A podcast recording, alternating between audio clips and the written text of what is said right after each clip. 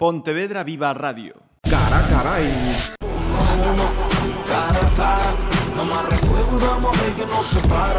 Hace unos días colgué un anuncio eh, diciendo que iba a hacer un cara a cara de nuevo. Eh, cara a cara, frente a frente otra vez. Hola, saludos. Os cuento. Hoy en este cara a cara mmm, tenemos en el estudio de Pontevedra Viva Radio a José Luis Ulla Rocha. Es médico especialista en digestivo, trabaja en el CHOP, en el Complejo Hospitalario Universitario de Pontevedra. Así que lo primero de todo, educación. Bienvenido. Muchas gracias. Eh, José Luis, eh, has sido quien el pasado enero eh, abrías un ciclo de, de, tres charlas que con el epígrafe Sencita previa a Gasalla Saúde se van a ir eh, celebrando en el teatro principal. Luego más adelante recordaré en qué fechas eh, quedan las, las dos siguientes. Dado que tu intervención se titulaba 365 días saludables, creo, porque he visto en algunos 366 y 365. Bueno, esto ha sido un ardiz, un ardiz para añadir, añadiendo un día, se, se, indicaría de que se trata de ganar días de vida. Eh... Perfecto, pues le vamos a poner 366 entonces. Pues eh, esa intervención, 366 días eh, saludables, la primera pregunta que te quería hacer es, ¿tan difícil nos resulta llevar una vida sana? Para determinadas personas, sí. Hay hábitos que son bastante nocivos, por ejemplo, el tabaquismo. El tabaquismo es un problema mayor, aunque bueno, se está tratando de solventar en cada día más en nuestra sociedad y particularmente en este momento está afectando más a las mujeres, eh, proporcionalmente que a los hombres. Antes era un, un, un, hábito que era preferentemente masculino, pero con el cambio de, de, rol que se está viviendo en la sociedad, pues las mujeres persisten con este hábito y son, son en este momento las más, las más perjudicadas proporcionalmente, como uh -huh. le decía. Eh, mira, ¿y, ¿y, qué hacemos peor? Eh, esos malos hábitos, pues como el tabaquismo, el alcohol, otras eh, drogas, llamémosle así, la alimentación, el sedentarismo o hasta incluso el ejercicio. No, el ejercicio es beneficioso. Eh, uno de los tópicos que, que, toqué en, la, en, mi charla fue eh, el, la obesidad. La obesidad es uno, es uno de los grandes problemas que está quejando a nuestra sociedad occidental en, en el momento actual, sobre todo los países de nuestro entorno, quizá más, quizá más en el norte, pero nosotros también progresivamente estamos estamos siendo siendo absorbidos por esta uh -huh. por esta lacra, la obesidad. Más en el, en el norte, quieres decir, en el de Europa, en el norte de Europa o en el norte español. Es un problema occidental ah, de, todo, vale, vale, vale. de, todos los países occidentales. Me refería en concreto al Reino Unido y Ajá. me refería al gigante norteamericano. Ajá, sí, Estamos, sí. Eh, somos parte del, del, mundo occidental, claro. Ajá, sí, sí. Eh, mm, parándonos entonces en, en, la, en la alimentación, en ese efecto eh, pernicioso de la occidentalización, sí, sí, sí me lo, me lo permite. Eh, eso es que mmm, estamos desaprendiendo a, comer debidamente. Aquí se partió a finales de, de, la década de los 30 del siglo pasado de una situación de hambruna. Durante la guerra civil y los años posteriores, las familias recuerdan que hubo, hubo un periodo que se prolongó durante 10 años en que eh, las cosechas, eh, los medios de cultivo no eran los, los, los, óptimos y la gente, la población pasó hambre. Y progresivamente esto ha ido cambiando, esto por fortuna hemos mejorado nuestra calidad de vida y ahora estamos en un proceso de eh, progresiva, digamos, eh, progresivo aparición de, de la obesidad que, uh -huh. que hasta, hasta, ese momento pues no, no existía, lógicamente. Uh -huh. eh, pero esa, esa obesidad eh, entonces es porque despre nos despreocupamos de, o, o, no focalizamos bien la atención en lo que comemos. A ver si soy capaz de explicarme bien. Porque por una parte veo muy mucha sed de, de- de información de, bueno, hay que comer eh, semillas de chía, semillas eh, de esto, eh, de lo otro, porque es muy, muy saludable, es muy bueno, es muy tal. Y sin embargo resulta que luego nos comemos una bolsa de no sé qué que lleva, pues igual, vete, vete a saber. Y, y en eso no ponemos tanto la, atención. Eh, hoy los alimentos, los alimentos procesados tienen la cantidad de kilocalorías que llevan. Y lo que se está recomendando es no superar del entorno de 2.000, 2.200 kilocalorías al día. En- como le comentaba antes, en el Reino Unido, que tienen un, un problema gordísimo, valga la redundancia, de obesidad, pues ahí están promocionando ya una ingesta calórica, kilocalórica al día de en torno a 1.600 kilocalorías al día, Ujú. Porque las cifras de obesidad son cada vez más alarmantes. Están cifras de obesidad cerca del 40% de obesidad en algunas zonas del Reino Unido.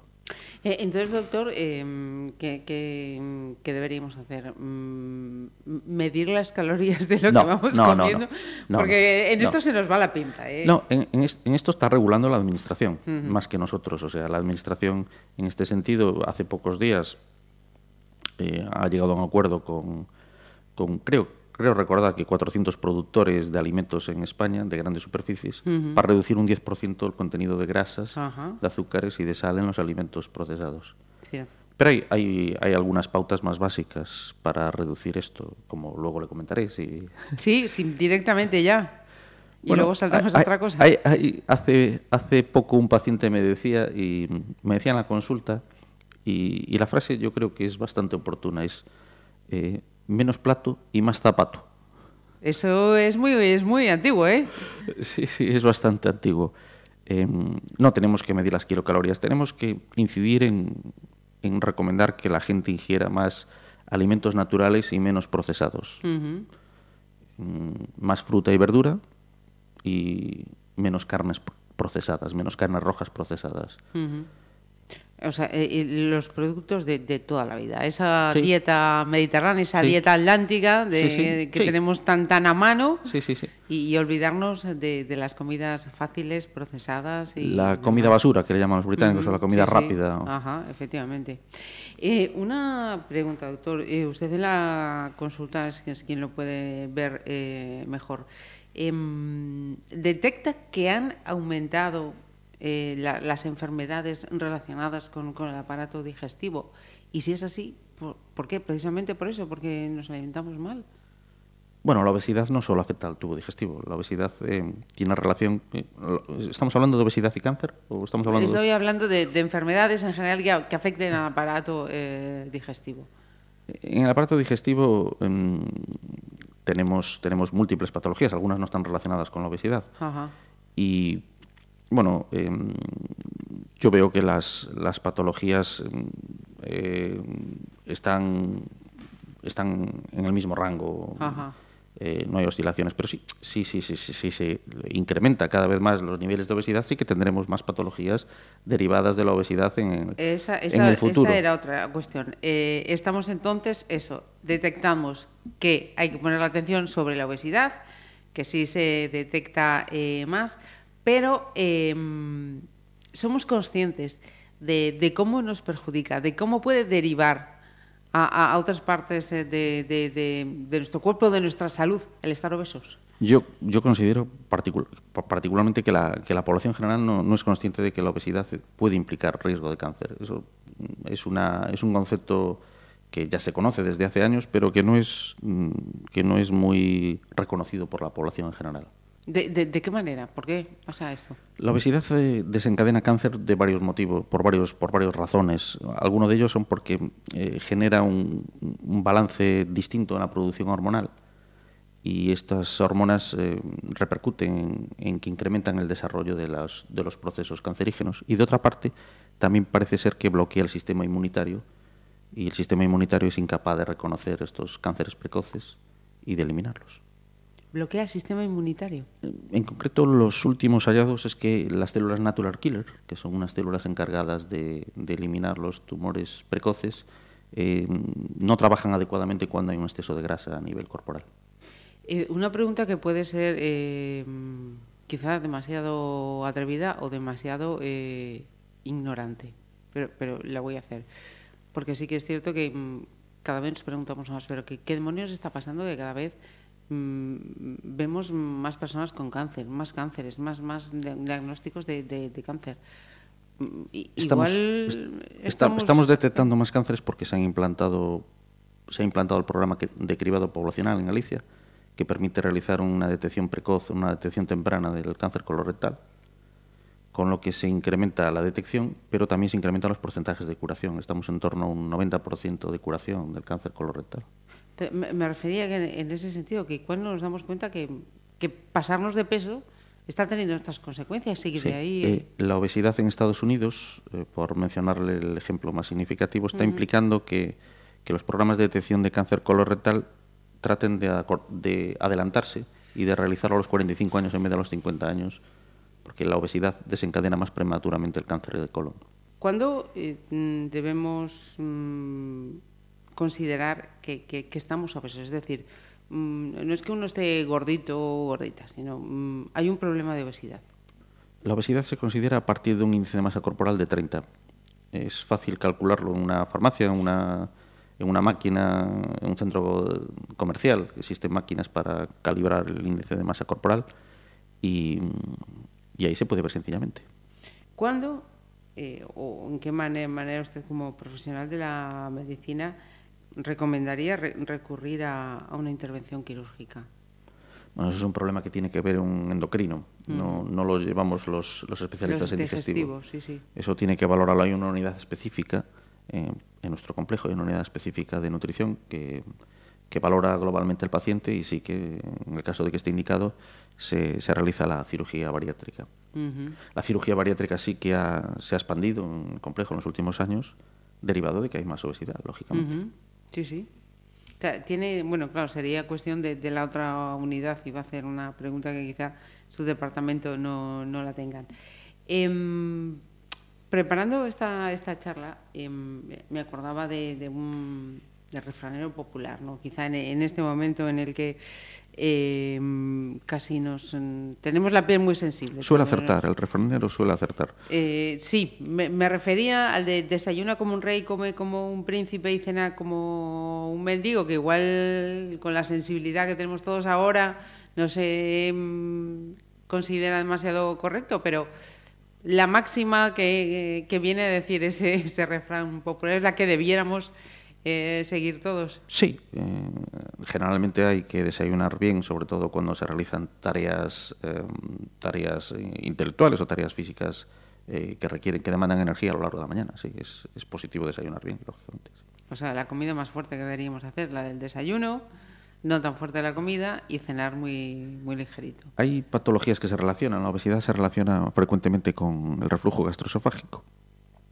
Y una cena muy copiosa puede desencadenar eh, síntomas de reflujo gastroesofágico si una persona es obesa, con mayor, con mayor motivo. Eh, estábamos, eh, o estaba haciéndole muchas preguntas relacionadas con, con la alimentación, pero ¿y el sedentarismo? Porque mire que mm, hace décadas nuestros abuelos o nuestros abuelos Se movían más. eh, sí, y comían comidas contundentes. Sí, pero sí. efectivamente, hacían muchísimo ejercicio al cabo del día. Es- es eso- ese es otro problema en la derivada, que cada vez nos movemos menos. Entonces el gasto, esto es una balanza, una balanza de ingesta y de gasto. Y de consumo. Y lamentablemente tenemos más ingesta y menos gasto. ¿Cuál sería el ejercicio diario que deberíamos eh, hacer? Un ejercicio muy básico es caminar. Caminar, lo, lo del axioma menos plato y más zapato. Y la OMS recomienda caminar en torno a 3 minutos al día, a un ritmo, a 30 minutos, perdón, al día, a un ritmo moderado. Ujú. 30 minutos. Ideal sería entre 30 y 60 minutos al día. Si me ponemos en la palestra los que nos están escuchando en este momento, no sé yo cuántos levantarían eh, la mano. Eh, pero bueno, tenemos aquí unas rutas estupendas para ir a Sí. caminar. No será porque no hay donde gastar suela. Me- Caramba. medido en pasos, me parece que cuando preparé la charla eran sobre cuatro. En España estamos caminando en torno a 4.000 pasos al día. Ajá. 4.000 pasos al día. Y los británicos recomiendan caminar sobre 7.500 pasos al día. Nos fiamos de los británicos, entonces. Los británicos tienen un problema de obesidad, además del Brexit y otros problemas, tienen un problema de obesidad eh, bastante importante. Ajá. Yo, yo decía antes al principio, que, ¿qué hacemos peor? Eh, ¿La alimentación, el sedentarismo o incluso el ejercicio? Me decías, no, no, el ejercicio es bueno. Eh, lo que pasa es que a veces nos tiramos al monte sin pensar y nos ponemos a hacer ejercicio, venga, a, a lo bestia, a lo bruto, como si llevásemos toda la vida y hay que empezar pues eso, poquito a poco, Sí. haciendo eso. Sí, so- Ejercicio- y si hay sobrepeso, con, con más cautela. Hay que empezar poco a poco y Con un previo examen médico que nos diga por dónde debemos ir, qué debemos hacer, qué no. sí, sí, eso, es, eso es básico también. Y, y otra parte que me parece eh, fundamental y es eh, la alimentación infantil, que también el porcentaje de niños obesos Sí. en las últimas décadas ha ido progresivamente aumentando. Debido a que consumen chucherías, a que eh, pues están con los videojuegos, por ejemplo. Son, son, son dos factores que están, que están favoreciendo que haya más, más obesidad infantil y esto, pues, eh, si se prolonga luego en la edad adulta, pues va a tener consecuencias. Ujú. Porque eh, es, esta cuestión de, de la obesidad infantil, de los hábitos eh, saludables, creo que es una cuestión de los padres. Sería una cuestión que se trabajase en los centros eh, educativos, en, en todos los entornos de- del niño, ¿no? Que el niño no sea solamente el sujeto pasivo que hace lo que le dicen los mayores, sino que él también esté concienciado y sea consciente de, de que tiene que vigilar su salud. y los menús escolares y, y la promoción de hábitos saludables en, en los- en las escuelas, en los centros educativos y en la prensa y campañas publicitarias y, y charlas como la que dimos nosotros el- hace, y que se están dando en el teatro provincial, en el teatro principal. Todo esto ayuda. Y lo que hablábamos antes de las campañas publicitarias, medidas regulatorias, Incluso ha habido medidas coercitivas en nuestro entorno. En Portugal han, han obligado a, a las casas productoras de refrescos sin alcohol a disminuir el la cantidad de azúcar, azúcar en los- de azúcar en las bebidas con refrescos, en las bebidas Ujú. de refrescos Refrescantes, sí. refrescantes. Y han logrado dos objetivos, que las, que, las, que, la- que las compañías productoras disminuyan definitivamente la cantidad de azúcar y con las sanciones que han impuesto se han embolsado 80 millones de euros la administración portuguesa. Claro, eh, es- y eso nos daría para, para incluso para un debate a, más bandas, ¿no? Sí, la, la, la industria eh, alimenticia, eh, de, de- qué manera nos, está enganchando, porque yo he leído pues que incluso de, snacks o bebidas que, que bebemos llevan eh, productos adictivos pues, que, que nos enganchan a que, oye, pues en vez de comer una o dos, pues comamos la, bolsa o la botella entera.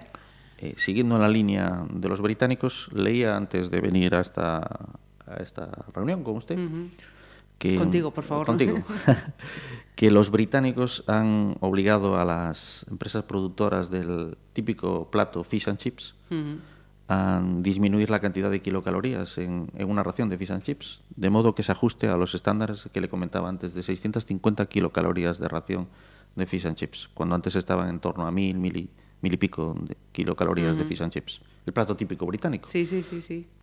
Eh, me, me está mencionando en esta charla varias veces a, a- a los británicos. Em, ¿Qué pasa? ¿Tenemos que, que mirar a ellos? Aquí en este país no, no, no sabemos o no... Sí, aquí sabemos, aquí sabemos, por ejemplo, que Galicia es la segunda comunidad autónoma con más sobrepeso y más obesidad de España.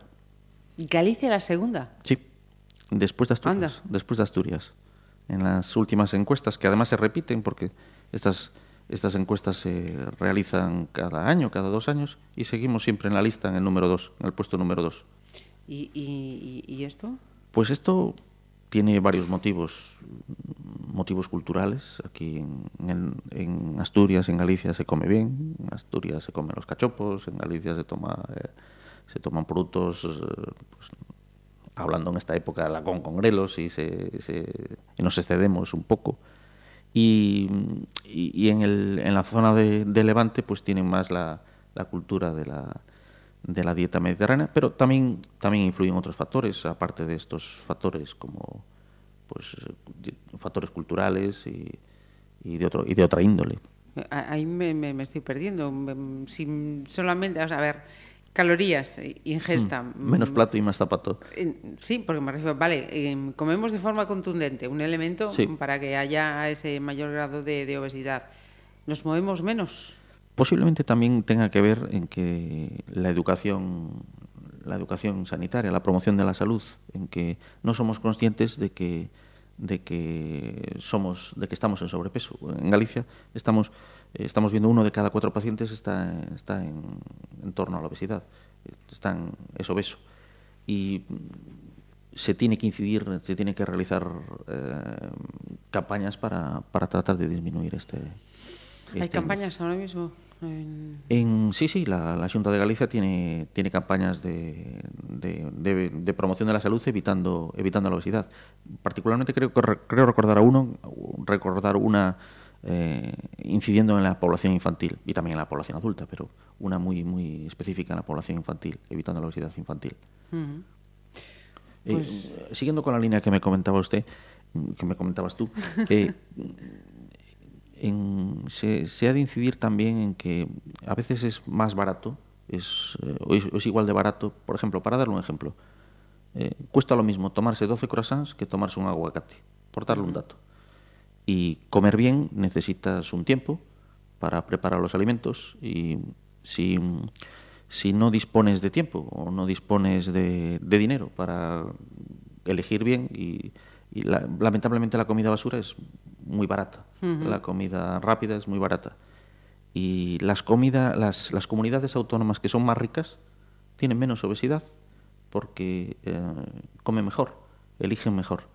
Y las comunidades autónomas que no o la población en Estados Unidos, por ejemplo, la población negra que estaba en, en índices de, de económicos inferiores, pues se alimentaba peor, se alimenta peor, eso se está cambiando.